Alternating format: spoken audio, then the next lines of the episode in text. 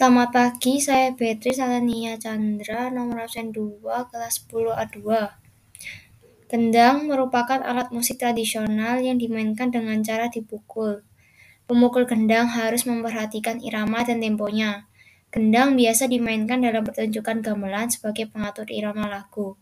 Seperti yang dapat dilihat dari video tersebut, gamelan dimainkan secara bersamaan dengan berbagai alat musik lainnya. Salah satu alat musiknya yaitu gendang. Namun, yang menarik dari video tersebut adalah orang-orang yang melakukan pertunjukan gamelan tersebut adalah orang-orang luar negeri, lebih tepatnya orang-orang dari Swiss. Sekian, terima kasih.